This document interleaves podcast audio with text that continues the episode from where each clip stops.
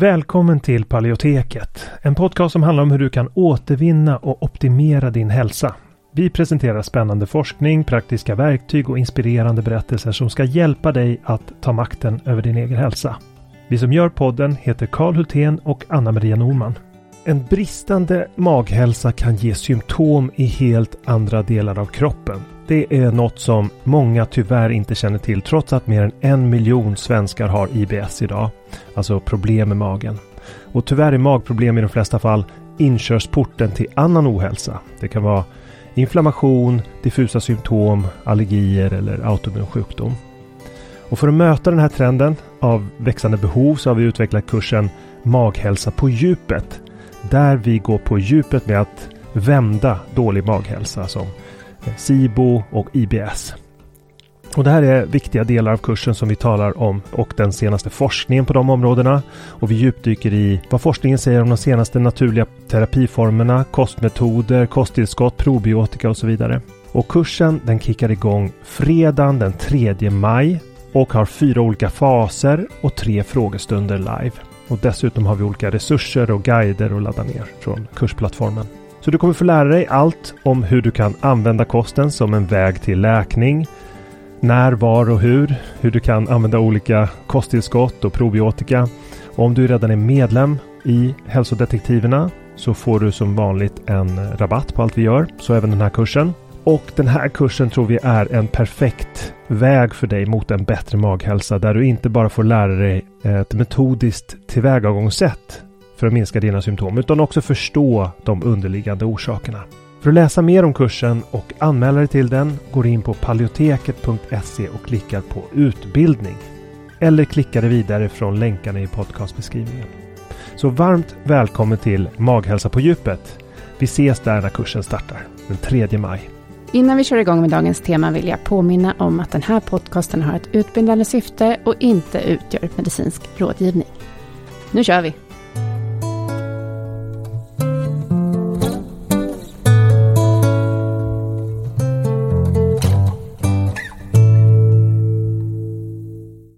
Så här i slutet av året funderar många av oss över hur det gångna året har varit och hur det nya ska bli. Och när jag funderar över den saken så är det vanor som jag tänker på. Jag bygger själv hela mitt liv kring vanor. Jag har förändrat min hälsa genom en stor omställning av mina vanor när det gäller kosten, fysisk aktivitet av olika slag. Jag försöker vara produktiv, jag försöker vara en bra förälder. Jag har kämpat med mobilberoende under lång tid. Jag kämpar med att sova bättre, sockersug, känslighet för stress, många saker. Det här är någonting som är universellt som väldigt många av oss tampas med. Och eh, de framgångar jag har haft, de har byggt på vanor. Så därför tänkte jag prata lite om det i det här avsnittet. Och under det senaste året så har jag funnit stor inspiration i stoicismen. Och stoicismen det är en 2000 år gammal filosofi som var till nytta för några av världens mest framgångsrika människor. Och inom stoicismen så finns det ett uttryck som heter eh, arete. Och arete det används för att beskriva mänsklig storhet i olika aspekter. Eh, fysiskt, andligt, moraliskt. Det handlar om att eh, utveckla duglighet eller dygd på olika områden. Och Epiktetos, som var en av stoikerna, talade om hur människor kan finna glädje och mening i att förbättra och förkovra sig i olika saker genom att till exempel sköta sin gård, bli bättre i ett hantverk eller som i vårt fall förbättra vår hälsa och på så vis uppnå det här bättre livet som vi är ute efter. Det är vad Areta handlar om. Men hur kommer vi dit då? Jo, det behövs en metod för det. För ingen av oss, eh, mig själv inkluderad, har per automatik livskunskap, eh, viljestyrka och färdigheter eh, färdiga för oss. Tron på att det finns människor som bara har allt det där eh, och bara kan leva ett perfekt hälsosamt liv av sig själva eh, och inte behöver någon metod. Det kan fånga oss och förhindra oss att nå, nå dit. Vi, vi konserveras där vi är då istället. Eh, tron på att det är ouppnåeligt för oss. Istället tror jag att vi behöver tänka på framgång som inte något vi har eller inte har utan något som vi rör oss emot. Och inom kort börjar vår årliga hälsoutmaning Reset 30. Den börjar efter nyår. Länken till den finns i podcastbeskrivningen. Och ett viktigt mål under den utmaningen det är att vi ska ta med oss små guldkorn av vanor. Vanor som fastnar, förbättring av symptom eller olika goda vanor som vi gillar in i framtiden. Och nu tänkte jag bjuda på några viktiga tips kring hur man bygger vanor och hur vi jobbar under Reset 30. Det första tipset är att ta små steg. Det första vi måste fokusera på är att tänka smått alltså. Och Zeno som är stoicismens grundare, han sa att välbefinnande blir verklighet genom små steg. Men det i sig är ingen liten sak. Och det här anknyter till någonting som jag tror är väldigt, väldigt viktigt, nämligen hälsopsykologi. Eh, Just psykologi är en förbisedd men ofta helt avgörande del av hälsoarbetet. Hur vi får en bra hälsa i längden hänger nämligen samman med hur vi tänker kring hälsa, hur vi organiserar det vi gör. Jag kan ta träningen som ett exempel. De resultat vi ser över tid när det gäller träning är kopplat till våra dagliga beteenden och personligen ser jag min dagliga träning som fysisk hygien. Precis som att borsta tänderna varje dag så ska träningen integreras i livet som något som är lika naturligt och otänkbart att hoppa över som att klä på sig eller borsta, borsta tänderna. Om du betraktar träning som en livslång del i att sköta den dagliga rutinen så blir det också lättare att integrera den i vardagen. Det är därför jag tränar under väldigt kort tid. Jag tar små steg och jag tränar med kroppsvikt varje dag. Om du istället tänker dig att du ska till gymmet med bilen, du sitter fast i trafiken, tränar intensivt, kanske efter att ha stått och väntat på upptagna maskiner eh, under en halvtimme eller att passet ska börja och sen trocklar du dig hem genom rusningstrafiken och så har familjen redan ätit när du kommer hem. Och när du har då upplevt hela den här serien av händelser så kan det leda till en känsla av nej, nu skiter jag i det här. Och det blir första dagen i en lång paus från träningen det finns säkert vissa individer som brinner för träningen och kan fortsätta på det här ambitiösa sättet. Men för de flesta så är det mer hållbart att göra träningen till en tillgänglig vana. Att skapa en vana är helt avgörande eftersom träningen kräver ansträngning och när man gör den till en vana så minskar den upplevda ansträngningen. Och när ansträngningen minskar så blir det lättare att etablera vanan, vilket i sin tur blir en stark motivationsfaktor. Att börja och sen sluta så som många gör, det innebär att vi övar oss lika mycket i att ge upp som i att fortsätta. Och att upprepa misslyckanden är inte bra eftersom hjärnan har en dragning rent kognitivt mot det negativa och därför skapas med tiden en förväntan om att misslyckas istället för att lyckas. Då, då får man sämre självförtroende med tiden också. Och du kan undvika den här fällan genom att öva dig på framgång istället. Och framgång, det stavas mikrovanor. Så Börja smått, för det är nyckeln till allt när det gäller hälsa. Eh, när det gäller maten, träningen, sömnen, stresshanteringen. Börja smått. Och då kommer vi till punkt nummer två. Följ ett program eller en utmaning.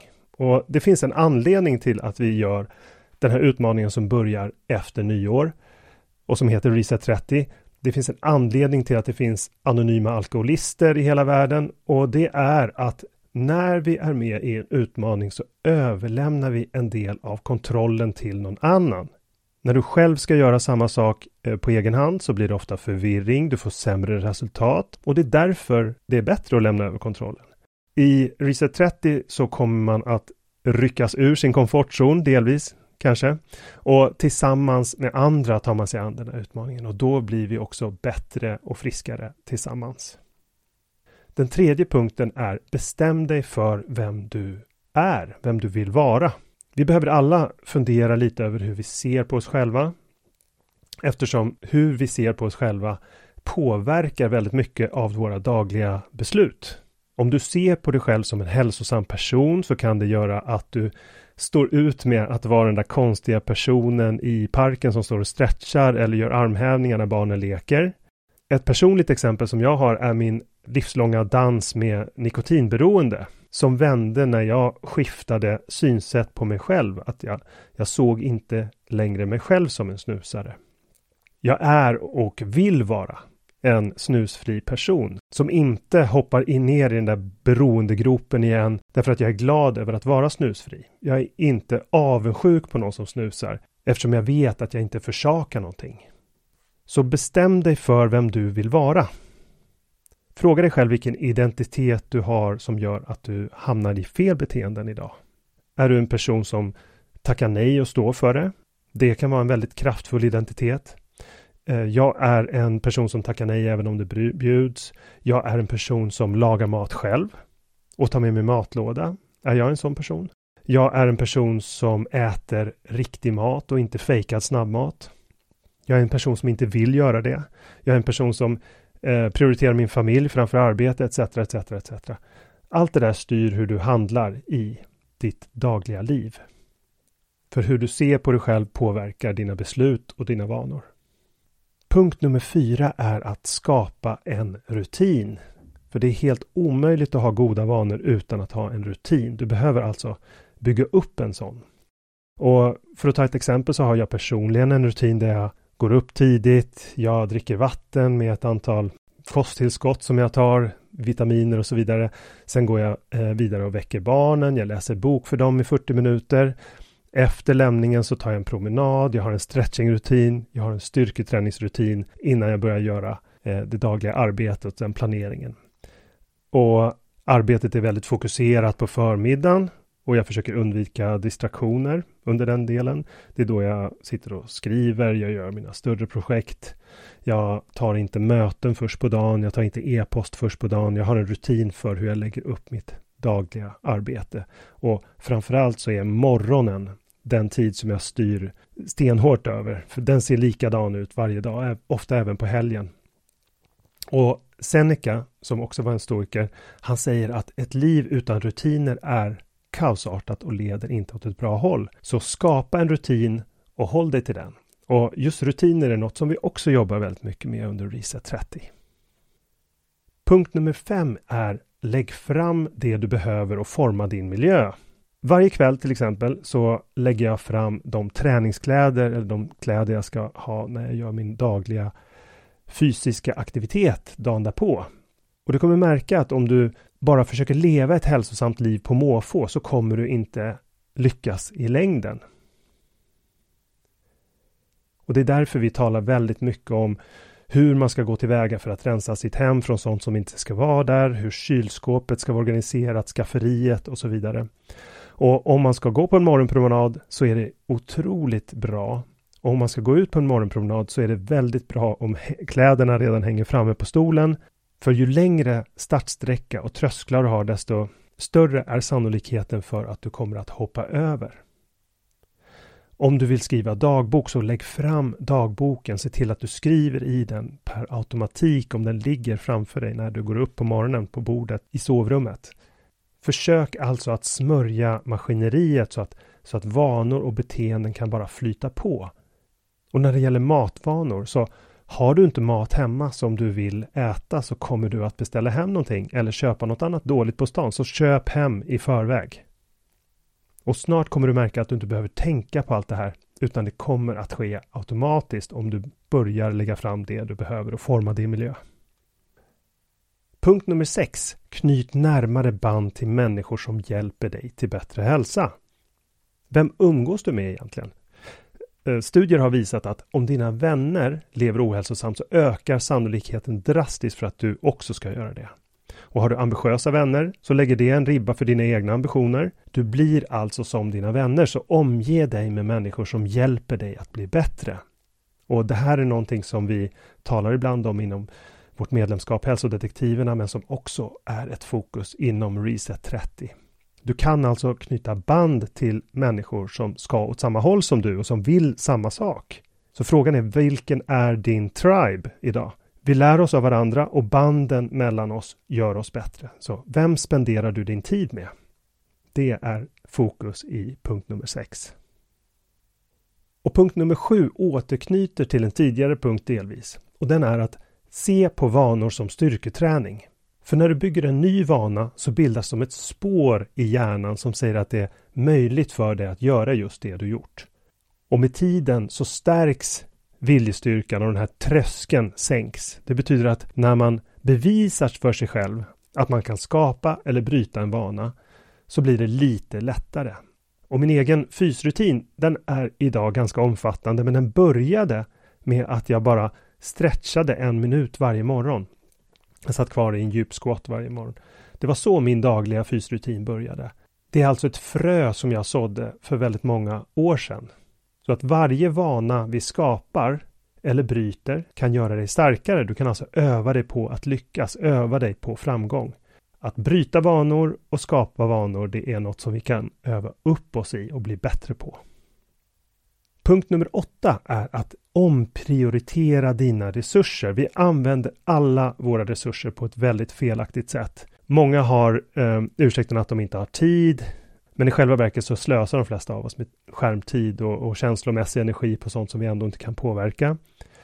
För många år sedan så slutade jag själv se på nyheter och jag upptäckte att jag plötsligt mådde mycket bättre. Jag hade lägre stress, jag hade mer energi till både arbete, eh, hälsoarbete och familjen.